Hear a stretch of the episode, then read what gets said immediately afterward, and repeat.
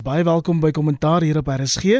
Die kommentaarpaneel moes omtrent vooraf kookus oor waaroor ons gaan praat en terwyl van die tyd nie kan praat nie.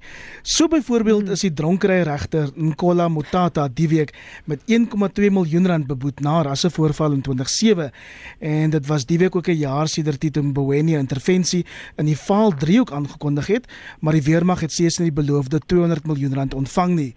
Hoewel ons nie vanaand hieroor kan praat nie, kookus ons wel oor vyf ander topnuus gebeure en op Potchefstroom verwelkom ons Theo Venter, 'n politieke en beleidsspesialis by Noordwes Universiteit Nancy Theo. Goeienaand. En die Kaap sê ons goeienaand aan die onafhanklike kommentator Janjon Janjan Joubert. Nancy Janjan. Naand Iver, naand Theo, wat 'n voorreg om sommer sulke lekker en slim mense te praat. Stop dit. Hier in Johannesburg praat ons ook by Dr Oscar van Heerden. Hy's 'n misdraggenoot en trustee van die Gelema Motlanthe Stichting. Nancy Oscar. Goeienaand julle. Kollegas pogings om president Donald Trump van die VSA in 'n staat van beskuldiging te plaas het die week momentum gekry. En dan is daar vrae oor die VSA se verbintenis met die nuwe oorlog op die Turks-Siriëse grens, maar dit is die VSA se besluit om sanksies teen die Guptas in te stel wat plaaslik die tonge laat klap het. Die besluit wat ons eie nasionale vervolgingsgesag beskaamd laat staan het hierdie week. Ja nee, absoluut en jy het die omvang van die Amerikaanse betrokkeheid op die oomblik in wêreldpolitiek mooi opgesom. Ek bedoel om oor Trump en en impeachment te praat is 'n hele aand se gesprek en die Turkse probleem is net so omvangryk, miskien net een sinnetjie oor elkeen. Ehm um, die die ondersoek na Donald Trump gaan nog 'n lang tyd duur en ons moet onthou dat in die finale instansie maak dit nou nie saak wat die demokrate sê of wat die media sê nie. Dit maak saak wat die senaat in die finale instansie gaan sê en en waar die besluit heen gaan. Geen twyfel dat Donald Trump op die oomblik 'n bietjie druk ervaar nie. En deel daarvan was 'n besluit wat hy vroeër geneem het voor hierdie week om uit um, Sirië te onttrek. Ek weet die Amerikaners het nie verskriklik baie soldate daar gehad nie, maar die onttrekking was simbolies baie belangrik en 'n ongelooflike prentjie speel voor ons af dat binne ure na sy aankondiging kan ons op CNN en BBC eintlik 'n inval in Sirië sien. Dit is is interessant wat die media uh, ons in staat stel om te doen, maar die die eintlike punt hier is die die besluit van die Amerikaners om sanksies op die Guptas toe te pas om wat met ander woorde hulle finansiële vermoë en hulle vermoë om finansiële handel te dryf met enige instansie wat Amerikaans is of enige beleggings wat in Amerika se hande is, um, ernstig aan bande lê en selfs verbied. En hierdie dink ek is 'n besluit wat Suid-Afrika lankal moes geneem het. Ek weet ons banke het dit gedoen op hulle eie, maar hierdie dink ek is iets wat um, ons 'n bietjie laat sleg lyk. Ons kon vroeër dink ek fermer opgetree teen die Guptas en nou dat die Amerikaners dit gedoen het, twyfel ek nie dat die Britte vinnig gaan volg en 'n paar ander lande ook nie en ek dink dit behoort die staatskaping proses in Suid-Afrika 'n bietjie opstoot te gee. Jan Jan, hoekom het die NVG, die Valke, die batebeslagleggingseenheid nog nie hulle rus styf gemaak teen die Guptas nie? Minister Ronald Lamola het hierdie week gesê hulle werk met ek dink iets soos 8 verskillende lande saam om die Guptas uiteindelik terug in Suid-Afrika te kan kry.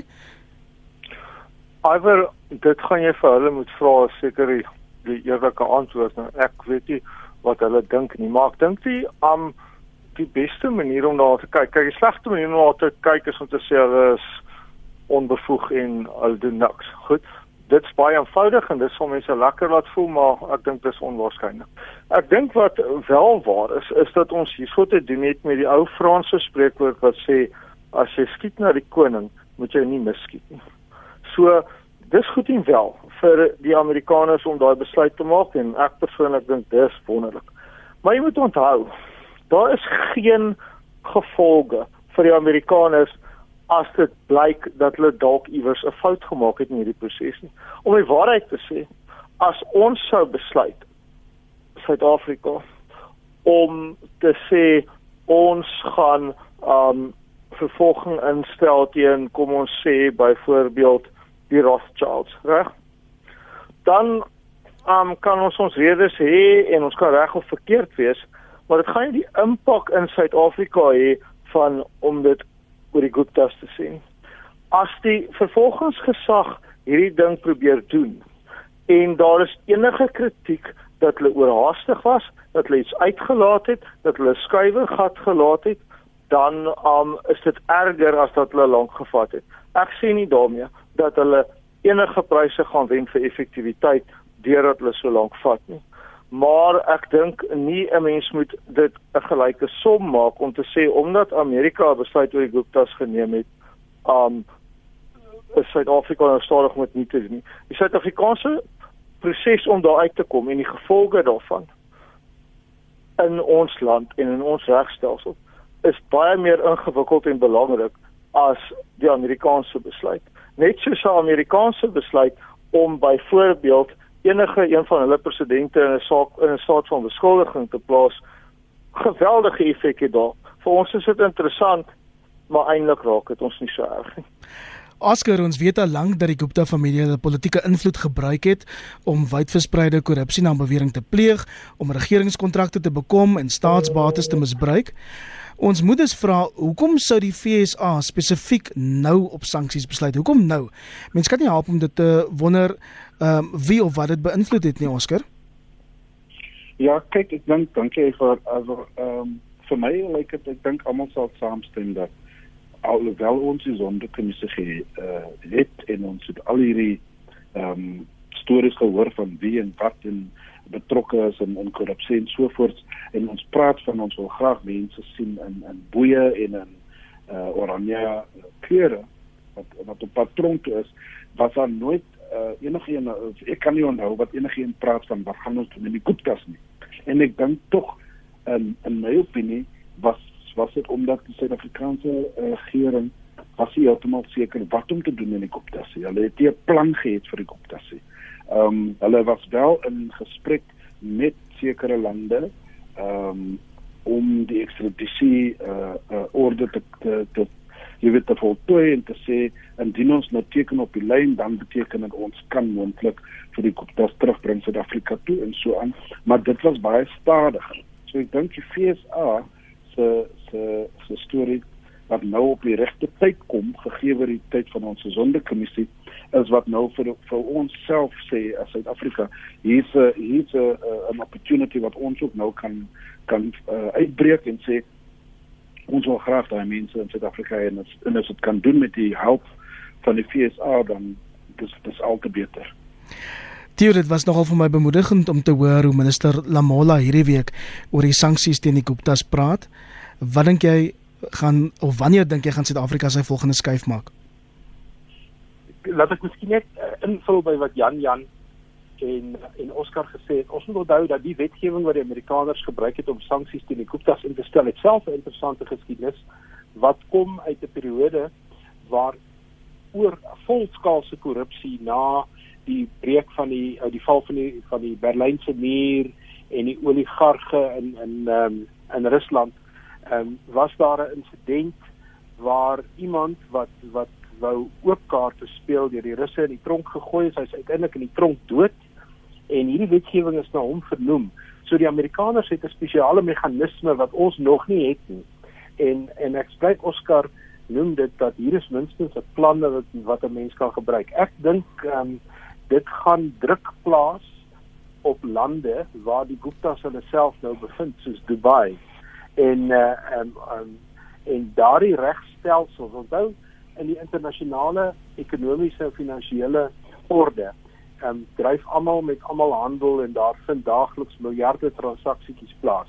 Die Amerikaners het vermoë van weer die omvang van hulle ekonomie om van hierdie um besluite en en hoe dit plaasvind te beïnvloed. En ek dink dit is waar die waarde van van hierdie besluit kom en wat dit vir die Guptas net moeiliker gaan maak om die twee plekke waar hulle op die oomblik hulle self bevind of in Indië of in Dubai dit gaan dit vir hulle net baie die net baie nouer span en uh, dit hulle net baie moeiliker maak. Maar nog steeds het ons nie 'n uitrou ooreenkoms werklik om die Guptas hier te kry nie. En my vraag is as hulle dan die dag hier kom en ons kyk na wat die sondekommissie hoe dit plaasgevind het uh, dan mag dit dalk ook 'n ander storie wees en die omvang van wie regtig betrokke was en dit sluit in mense wat tans in regering sit mag dalk net onaangenaam vir die regering wees. So hierdie hierdie ding het eintlik uh konsekwensies wat baie wyer strek as net die Guptas.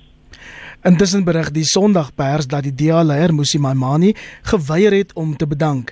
Dit na aanbeveling van 'n topvlakpaneel wat ironies genoeg deur Maimani self aangestel is om die party se verlies van 48000 stemme in die 8 Mei verkiesing te ondersoek.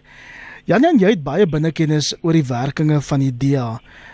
Wat is werklik hier aan die gebeur? Ons praat nou al 'n paar weke daaroor op kommentaar en van die kantlyn af lyk dit soos 'n party wat besig is om homself uitmekaar te skeer. Ja, wel, jy sê um mens kom net hoop dat hulle so um dat hulle dieselfde mate van bekwaamheid daarmee aan die dag lê as wat hulle met enigiets anders op die wonder kan die dag lê, dan sal hulle wel oorleef, nee. Um kyk, um wat aan die gang is, hier so is 'n klomp goed. Die eerste is dat um daar is geweldig baie persoonlike belange wat hierso nou 'n rol speel. Ek het 'n bietjie navorsing gaan doen en jy weet ek sien vandag wanneer my manie sê um dat um jy weet dat dat dat uh, dat hy um dat die party kan hom vra om te bedank en dan dan sluit dit oorweeg, jy weet. In die hele geskiedenis van Suid-Afrika se parlementêre stelsel sê dit 1910 het daar nog net een keer gebeur dat 'n party as of dit nog net met een party gebeur dat die party sy leier gevra het om te bedank. En dit het twee keer gebeur en dit was albei kere die ANC dit was Dr. AB Kuma in uh, 1949 en die tweede een was um Taumbeki wat ons goed sal onthou in 2007 so nee meneer Maimani dis nie vir die DA om vir jou te vra om te bedank nie dis vir jou om te besluit wanneer 'n mens bedank. Nou as daar so iets soos 'n liberale tradisie in Suid-Afrika is, dan gaan dit terug na 1959 en die stigting van die Progressiewe Party. Die Progressiewe Party en sy en sy opvolgers, um wat nou die DA is en daar was 'n paar ander naamsveranderinge, het net in sy bestaan 3 keer in verkiesings agteruitgeboor. Die eerste keer was gewees in 1987 toe het meneer Colin Eglin self bedank want hy het gevoel dis die regte en in die liberale tradisie die korrekte ding om te doen. Die tweede keer was in 1994 toe Dr. Zak de Beer um as leier bedank het omdat hy gedink het dis die regte ding om te doen en die liberale ding om te doen. Die derde keer was in 2019 en daar het niks gebeur nie. So, um dis hoe dit werk nie. Jy moet self 'n paar besluite neem. Jy moet self verantwoordelikheid neem. Dis nie 'n groot ding in Suid-Afrika nie. Politici neem nie verantwoordelikhede nie en hulle gaan nooit self weg nie. Dis nie soos in ander plekke nie. En ek dink die vraag wat meneer Maimani homself moet afvra, is nie is hy 'n goeie of 'n slegte mens nie. Ek weet hy's 'n goeie mens. Tweedens, dis nie was dit ek weet um regverdig nie en dis nie hy moet gesê word om enigiets te doen nie. Hy moet dit doen wat polities korrek is en hy moet homself vra watter redelike verwagting is daar dat indien die DA en daarmee saam die liberale ideaal in Suid-Afrika gaan floreer gaan sy eie persoonlike bydrae werklik vir hierdie stadium momentum gee daaraan of nie So, um in die DA sal kom goed is ons ons onaangenaamheid waar ons al baie gepraat het. Daar's 'n bietjie van 'n gebrek aan beleid, maar ek moet sê wys jy vir my Suid-Afrikaanse party met regte beleid. Daar's net een en dis die EFF. En of dit 'n goeie ding is, kan ons luisteraars maar self besluit. Ek meen, wat is die Vryheidsfront plus se uh, eintlike praktiese beleid oor enige iets? Die ANC en beleid is nie eintlik iets wat jy in een asem sal noem nie. Hulle is so verdeeld, hulle soort van karring aan. En die IFP het letterlik laasbeleid opgestel in 1994 toe Dr Gavin Woods dit letterlik in 3 dae moes doen voor die verkiesing. So nee, dis nie eintlik 'n beleid ding nie. As die DA wil regkom, dan moet hy homself begin gedra. Hy moet 'n party wees waarop die mense wat die mirassige demokrasie en die konstitusionele demokrasie in Suid-Afrika nastreef kan trots wees en wat hulle ideale kan uitleef. In hierdie stadium is die DA nie 'n voorbeeld van dit waarvoor die vir die ordentlikheid wat diegene wat daardie ideaal onderskryf verwag nie. So die DA kan begin deur vir homself af te vra is wat ek doen iets om op trots te wees? Is my gedrag iets om trots te wees? En waarvoor staan ek? En as dit is ordentlikheid, goeie bestuur en 'n groter mate van eerlikheid as ander politieke partye, dan het hulle beslis 'n toekoms en dis beslis vir hulle opsie. Maar op die oomblik gaan dit te kere op 'n manier wat geen mens trots op kan wees. En 'n party soos die DA kan net oorleef as hy 'n leier het met 'n ruggraat, um, wat baie mense sê hulle kon nou nog nie sien in Musi Maimani nie, Oscar. Hoe ja, ervaar jy dit? Ek ek ja, ek ek hoor ek hoor Jan Jan sê se se historiese storie. Ehm um, dis dis baie mooi om die geskiedenis uh, te te praat. Ek dink hy mis 'n paar punte en dis wat ek dink. Ehm um, daar's 'n rede hoekom die DA besluit het om 'n swart leier in te bring. Ehm um, en dit is om te sê dat ons hoop met hierdie besluit dat ons meer swart stemme ehm um, kan inbring uh, in die DA, swart uh, lede kan inbring in die DA om te wys dat ons is inderdaad uh, 'n nie rassistiese uh, liberale organisasie 'n party.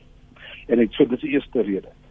Ehm um, ja, daar's 'n hele aantal swart lede wat wat die party uh, natuurlik nou aangekom het en, en lede geword het en so aan, maar dit het dit het nou op 'n punt gekom waar daai selfde swart lede van die DA meer en meer eise op die tafel sit. Want hulle groei in nommers en hulle wil hulle hulle wil ook by die tafel wees. Hulle wil ook by die tafel sit. Ons weet dat daar is moeilikheid uh met sekere lede, swart lede van die DA van Soweto hier in Gauteng. Uh Mashaba is is 'n bietjie van 'n probleem. Um wat nou praat van Tony Leon wat nou gesoek het vir 'n tender en so aan. So daar is daar's tensie. Daar's daar's konflik in die party tussen die wit en die swart lede en so daardie lede wit lede in die in die DA sê vra nou vir hulle self het ons die regte besluit geneem om inderdaad om 'n swart leier in te bring. Ons hoor nou hulle hulle self 'n voormalige leier van die party vra sê nou dat sy 'n moontlike fout gemaak om daai daai besluit te neem om swart lede in te bring en swartes in die, in die leierskap van die DA. So dis punt nommer 1. Punt nommer 2 is dat as jy die leier is van 'n party ehm um, en jy gaan in 'n verkiesing in, dan verwag al die lede van daai party dat jy die die die, die persentasie van die van die party gaan gaan verhoog dat jy nodig die punt van maak dat jy in, inderdaad die amptelike oppositie is en so voort en soos ons nou weet met hierdie verkiesing het dit nie gebeur nie. Ehm um, die nommers wat dit stil gestaan vir die DA en sekere aspekte het dit afgekom ehm um, en so aan en so in enige party as dit gebeur, dan is moet die leier getug word. En wat voet praat ons van? Of hy word oor die kolle gedra in terme van die uitvoerende komitee van die party. Uh jy weet, as jy 'n goeie uh, uh veldtog nie, dit was die fout, dat was die fout en so aan. Of hy bedank soos Jan Jan self sê om te sê ek doen die regte ding, ek het nie die nommers gebring nie, ek het nie my party oor die lyn getrek nie in terme van wat ons verwag het nie. Ehm um, en ons het 'n hele aantal stemme verloor uh vir die vir die uh, Freedom Front en so voort en so aan en dis hoekom my manie homself nou in hierdie slegte situasie in bevind. Ehm um, en ek dink dat die DA en die leierskap van die DA, die federale uitvoerende komitee is besig om groot vrae te vra is hierdie persoon die regte persoon vir die, vir die posisie. Het ons 'n fout gemaak? So dit klink dan na geldige vrae wat die DA se federale bestuur besig is om te vra jou. En van wat ek verstaan gaan die aanbeveling dat Musi Maimani moet bedank volgende week ehm um, voorgelê word wanneer hulle bymekaar kom. Ehm um, wil jy by Oscar aansluit en dan ook bietjie uitbrei oor hoe jy die spanning tussen die wit en die swart ehm um, leiers in die party in die party sien en ook die lede in die party. Ja, daar's geen twyfel dat die DA hiermee is nie en ek dink in uh, daardie opsig um, is Jan Jan reg met sy meer um, idealistiese siening dat 'n politieke leier loop self.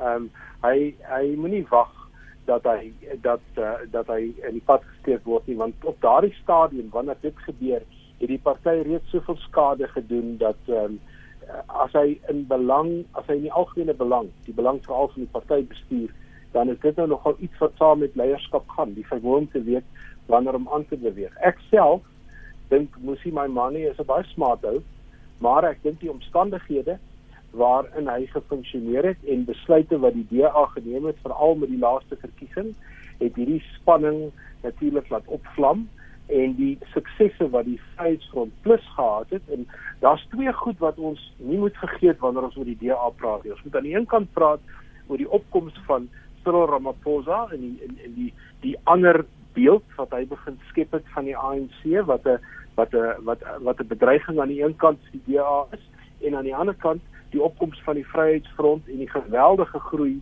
wat die Vryheidsfront gehad het en dit het voortgesit intussen verkiesings selfs die onlangse ene nou in in Wetal hmm. um, die afgelope week waar die Vryheidsfront en die DA in mekaar se kele afklim en dan wen die ANC die wijk. Dis nogal dit laat my dink aan die ou dae toe die ehm um, die konservatiewe party die ANC so beklei het in die in die vorige stelsel en die nasionale party dikwels die wyke gewen het vanweë hierdie bekleierery. Maar uiteindelik is die uittrede van James self is 'n baie belangrike deel. Die toetrede van of Trollop of Zille is 'n is 'n is 'n is 'n verskriklike belangrike besluit wat die DA gaan moet neem in die volgende week. My my my gevoel is dat Helen Zille die ronde gaan wen en as sy dit wen, dan sit ons met 'n baie interessante verskynsel. Musi Maimane was Helen Zille se projek as ek dit in sulke woorde kan gebruik. Nou keer sy terug. Sy loop terug op haar politieke paadjie, iets wat nie dit wil suksesvol is in die politiek nie, maar Helen Zille dink sy kan dit doen. Sy het 'n baie sterk persoonlikheid, sy het baie sterk menings. Sy het haarself gaan begrond in die laaste maand of 3 by die by die Instituut vir Rasseaangeleenthede wat hulle eie siening op Suid-Afrika het.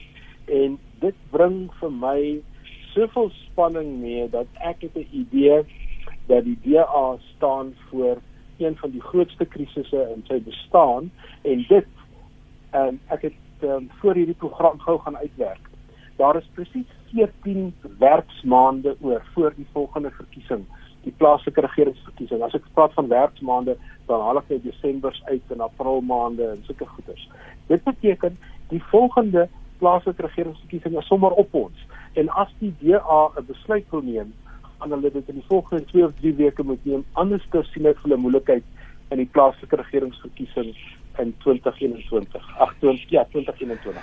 Ja, nee, dit klink vir my nou 'n onmoontlike situasie want ehm um, as ons nou vir mekaar sê, moes jy my ma nie moet loop. Wie is dan die logiese opvolger aan die een kant en as Theo se voorspelling reg is en hulle wen volgende week, ehm um, wat is die implikasies vir alles Oscar praat van die groot spanning tussen wit en swart en ons weet dat baie swart kiesers hulle as verdelend ervaar. Hmm. Um kyk, iwer ek dink eerstens is glad nie onoplosbaar nie, reg? Um maar net 'n klein bietjie meer um as ek kan sê volwassenheid wees en en wel lewendheid. Ek weet dit ja is in een opsig baie gelukkig. En dit is dat 'n strewe na uitnemendheid wat politieke partygedrag in hierdie land betref is nie 'n geweldige sterk kompetisie nie. So die partye teen wie hulle moet meeding in 2021 is nou ook nou werklik voor. Nie jy weet die wêreld se beste voorbeelde van samehangende, deurdagte, positiewe denke nie. So die DEA se grootste probleem en dis 'n luukse is hyself. Net op 'n feitepunt. Um die ons moet onthou daar is 3 kandidate in daai wedloop en die een is Helen Zille, die een is Ethel Trollop, die derde een is Thomas Walters, die huidige adjunk in van James self. En laat ek een voorspelling hier maak. Daai drie voudige wedloop is bykans onmoontlik om te voorspel. Onthou dat die DA het 'n baie spesifieke um reël oor hoe hulle hulle verkiesings hou.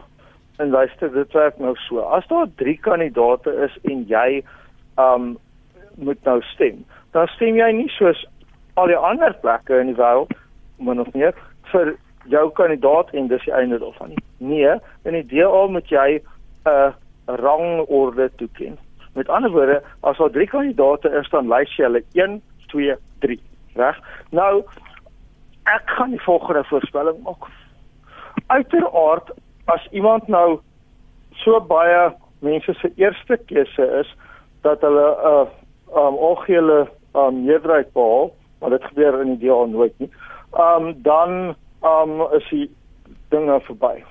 Maar as die nommer 1 keuses nie 'n volstrekte meerderheid oplewer nie, dan gaan dit baie belangrik wees wie van hierdie kandidate die tweede keuse is. Hierso is my praktiese voorspelling. Ek weet um, van baie mense wat vir Thomas Walters ondersteun op die oomblik, maar hulle gaan onder geweldige druk kom van die Trollop groepering en die Zille groepering of Trollop of Zille eers te sit, want Trollop groepering dink as Helen Zille wen, dan sit die einde van die wêreld en Helen Zille se groep dink as Trollop wen, dan sit na die einde van die wêreld. Dis 'n baie wat die Engelse noem zero sum game. So daar gaan baie ene wees vir Helen Zille en baie ene wees vir Ethel Trollop. As daar redelik baie ene is vir um, Thomas Walters en my eie navraag einde laasweek het gewys daar is verrassend baie. Dit sal dwaas wees om um enige voorspelling te waag in algehele terme want ons het 180 lede en dit was tot Vrydag nie eens duidelik um wie hulle is nie daai kieserslys eers Vrydag opgestel. So ek kan nie 'n totale voorspelling maak nie, maar ek gaan dit sê as dit op die twee skool gaan dit 'n tweede keuse van mense dan gaan Thomas Walters 'n sterk posisie wees want ek dink nie daar gaan baie zille mense wees wat vir trolle tweede plaas of trolle mense wat vir zille tweede plaas nie. Wat sê ek? Ek sê A ken die reëls. B, daar is drie kandidate. C, voorspellings op hierdie stadium is gevaarlik. Hulle kan reg wees, maar dit sal 'n gelukskoot wees. So Jan Jan reken Thomas Walter staan 'n kans. Theo, jy reken hulle gaan waarskynlik die volgende week wen. Oscar, jou voorspelling? My voorspelling hywe, ek hoor wat Jan Jan sê, vir my lyk dit die DA se party wat 'n identiteitskrisis het. Hulle kan nie besluit of hulle eh, 'n uh, party is vir alle vir almal nie. Ehm um, ek die manier hoe hulle hulle uh, altyd beskerm word alhoewel sy tweets en allerlei uh ehm um, boodskappe uitstuur wat wat baie mense ontstel veral swartes in die land dink ek dat die DA oor grootte meerderheid se lede van tradisioneel wil terugval op die dae waar hulle in 'n goeie posisie was en sterk was en dit was onder hulle so ek stem saam met jou dat ek dink Helen Zille is een wat gaan wen. Ehm um, en ek wil graag sê dit gaan 'n baie groot negatief uh, impak hê op die DA. Eh soveel so dat ek sal sê dat as ons praat van voorspelling 2021 ek dink die ANC gaan al daai munisipaliteite uh, of daai metros wat onder DA se regering is met die EFF, hulle gaan dit terugwen. Sjoe. Baie groot voorspelling. Ons gaan dan volgende week op kommentaar verder hieroor praat, ehm um, nadat die wenner volgende naweek aangekondig is. Van die politiek tot wel die kerkpolitiek en opstand brei oor die besluit van die NG Kerk se algemene sinode dat gemeentes self kan besluit of hulle gay verhoudings wil erken of nie. 'n Vorige besluit hieroor wat in 2015 geneem was, is hierdie week nietig verklaar. Theo, is die nuwe besluit nou 'n stap vorentoe of 'n paar tree terug? Want die NG Kerk het 4 jaar gelede besluit dat gay mense wel in die kerk mag trou en ek gaan jou vra om dit kort te hou want ek wil nog by oom Zuma ook uitkom. Ek sal dit kort hou en ek wil my eerste sinnetjie sê dat oor die eeue heen het die groot institusionele kerke, ons kan hulle maar almal opnoem, en insluit nie die kerke in Suid-Afrika, is baie traag en het groot moeilikheid om groot besluite vinnig te neem. Dis altyd is daar 'n klomp aktiviste in die kerk, ouens wat wil voorloop, wat wil wys wat die besluit is en daar's altyd 'n klomp agterosse wat op een of ander manier keer of wal gooi of so in die geval van die kerk ehm um, hof toe is en wat ook al. Die hofuitspraak is nou bekend wat wat was oor die synode besluit en ek persoonlik dink die NG Kerk het 'n smart besluit geneem die afgelope week. Ehm, dis so 'n bietjie van 'n van 'n uitkoms deur die finale besluit af te wentel op ander vlakke, maar minstens is hulle deur die besluit en minstens het hulle dink ek die onreg wat hulle aan hulle self ge ge, gemaak het met die vorige terugroeping van die besluit kon hulle kon hulle regstel. Ek dink nie dis 'n antwoord op al hulle probleme nie, maar ek dink hulle dink minstens in die regte rigting. Ek bedoel as jy net kyk na die ander twee oorblywende um, Afrikaanse kerke van van 'n hele paar, die wat ek nou meer bekend mee is, die die die gereformeerde kerk, die sogenaamde doppers, kon nog nooit die besluit neem oor 'n vrou se rol in die kerk eh, tot op 'n finale punt nie. Hulle sukkel nou al jare daarmee. Die hervormde kerk waarvan ek self 'n lidmaat is, kon vir jare nie besluit om van artikel 3 ontslae te raak wat eintlik maar 'n 'n bevestiging van apartheid was in kerkstrukture nie. En dan oor tyd dit vat 20 jaar dit vat so tydjie 'n generasie om hierdie besluit te neem. Ek dink die EG Kerk is by daai hekkie verby. Janie aan die NG Kerk se die gay debat kom teen die agtergrond van syfers wat duidelik wys dat die kerk dramaties aan die kwyn is. Die kerk het nou 81% minder dooplidmate as 20 jaar gelede. Ehm um, hoe kwyn die NG Kerk terwyl baie ander nie-Afrikaanse dominasies wel groei toon? Ek dink daar's 1000 redes vir en ek dink in 'n sekere sin is dit nie baie belangrik nie. Daai is 'n demografiese ding en die NG Kerk is nie 'n politieke party nie. Hmm. Wat is die NG Kerk? Die NG Kerk en enige kerk probeer om die kern van die woord van God waarin diegene van ons wat die Christelike geloof onderskryf en probeer uitleef glo ten beste te dien. Nou die beste bron daarvoor is die deel van die goddelike drie-eenheid wat regstreeks met ons gepraat het en dit is Jesus Christus. Wat het Jesus Christus gesê? Net nie 'n miljoen dinge nie. Hy het gesê: Jy moet jou jy moet die Here jou God lief hê. Dit is die eerste en die grootste gebod en die tweede wat hiermee gelyk staan is jy moet jou naaste lief hê soos jouself. En hierdie twee gebooie is die hele wet en die profete saamgevat. Daar's niks om te misverstaan daar nie. Wat die gedebat betref, wat die grond aan besluite van die kerk betref en wat 'n klomp ander besluite wat ek dink fenomenaal is van die kerk betref, dink ek dat hulle die liefdesgebod uitgeleef het. En die liefdesgebod is die hele wet en die profete saamgevat. Ek kan werklik nie sien dat die alternatiewe kwessie wat mense wat liefhet op 'n manier wat miskien nie dieselfde is as joune nie uitsluit en wat God speel en dus in die woorde van profeet Jeremia baie naby daaraan kom om laster van die gees te pleeg um ek kan nie sien dat die liefdesgebod daarin voorkom nie. So ek as 'n lidmaat van die NG Kerk is baie trots op die kerk se besluit. Ek weet daar gaan nou weer mense wees wat kerm. Die dag wat daar nie Afrikaanse mense is wat oor enige iets kerm nie, sal werklik 'n seëning wees. Maar wat my aanbetref, dit beteken nie ek's reg nie. Ek stem saam met Dominee van Rensburg, ons moderator wat sê die liefde is 'n genadegawe van God en die liefde tussen mense van dieselfde geslag is nie alleen iets wat verdra word nie, dit moet as 'n genadegawe van God gesien word. Maar die besluit hier wat gewen het, was gewees dat elkeen vir homself kan besluit en dat gemeentes gaan verskil. So sterk as wat die gemeentes in Stellenbosch en Kaapstad en baie baie ander dele van die land voel dat um daar wel die liefde neem 'n veelheid forme aan soos wat hierdie duplisie gesê het oor hierdie kwessie net so sterk sê die mense in Limpopo en Morletta Park en so voort. Um jy weet dis nou 'n vreeslik verkeerde ding. En dis 'n goeie reg.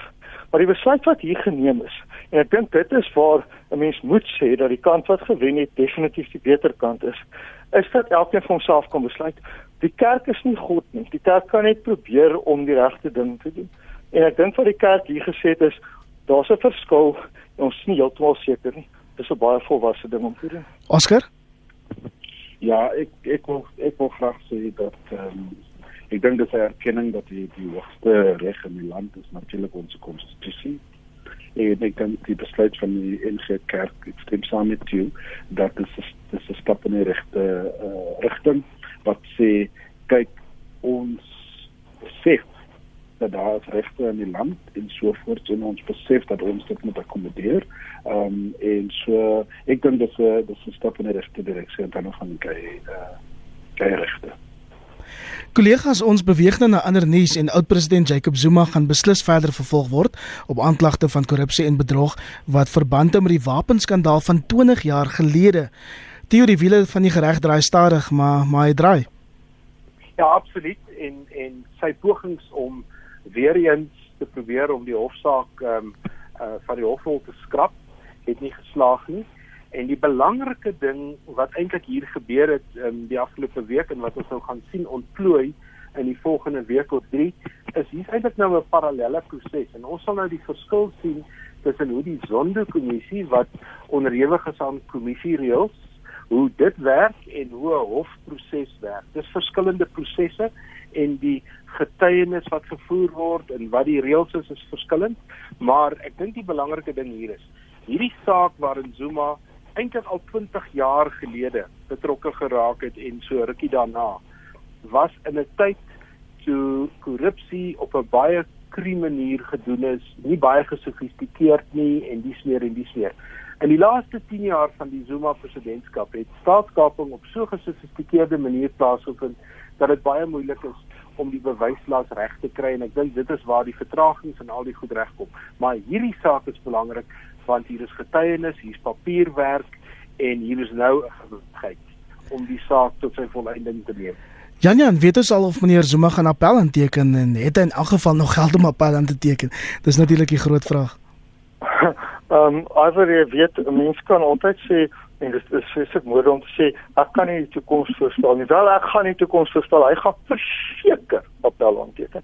Kyk meneer Zuma in konsekwentheid is nie altyd 100% in dieselfde sin nie, maar as daar enige enige geldigheid vir die konsep van konsekwentheid is, dan gaan hy beslis um appel aanteken of daar nou daarvoor enige meriete is of nie, want meneer Zuma dink ek hou die wêreldrekord vir die persoon wat aandring op sy dag in die hof wat werklik vir die sterkste poging aangewend het om dit nie te laat gebeur nie. Oscar Ja, ek dink ek dink twee punte wat ek wil maak. Ehm um, ek dink hy gaan natuurlik probeer om te uh, die appel te sit. Hy van die slagoffer mentaliteit het maar altyd vir hom gewerk en hy het die slagoffer hier natuurlik. Ehm um, uh, hy wil dit graag so glo. Ehm um, en die tweede ding is dat uh, ek dink die baie belangrike punt wat ons tog moet sien.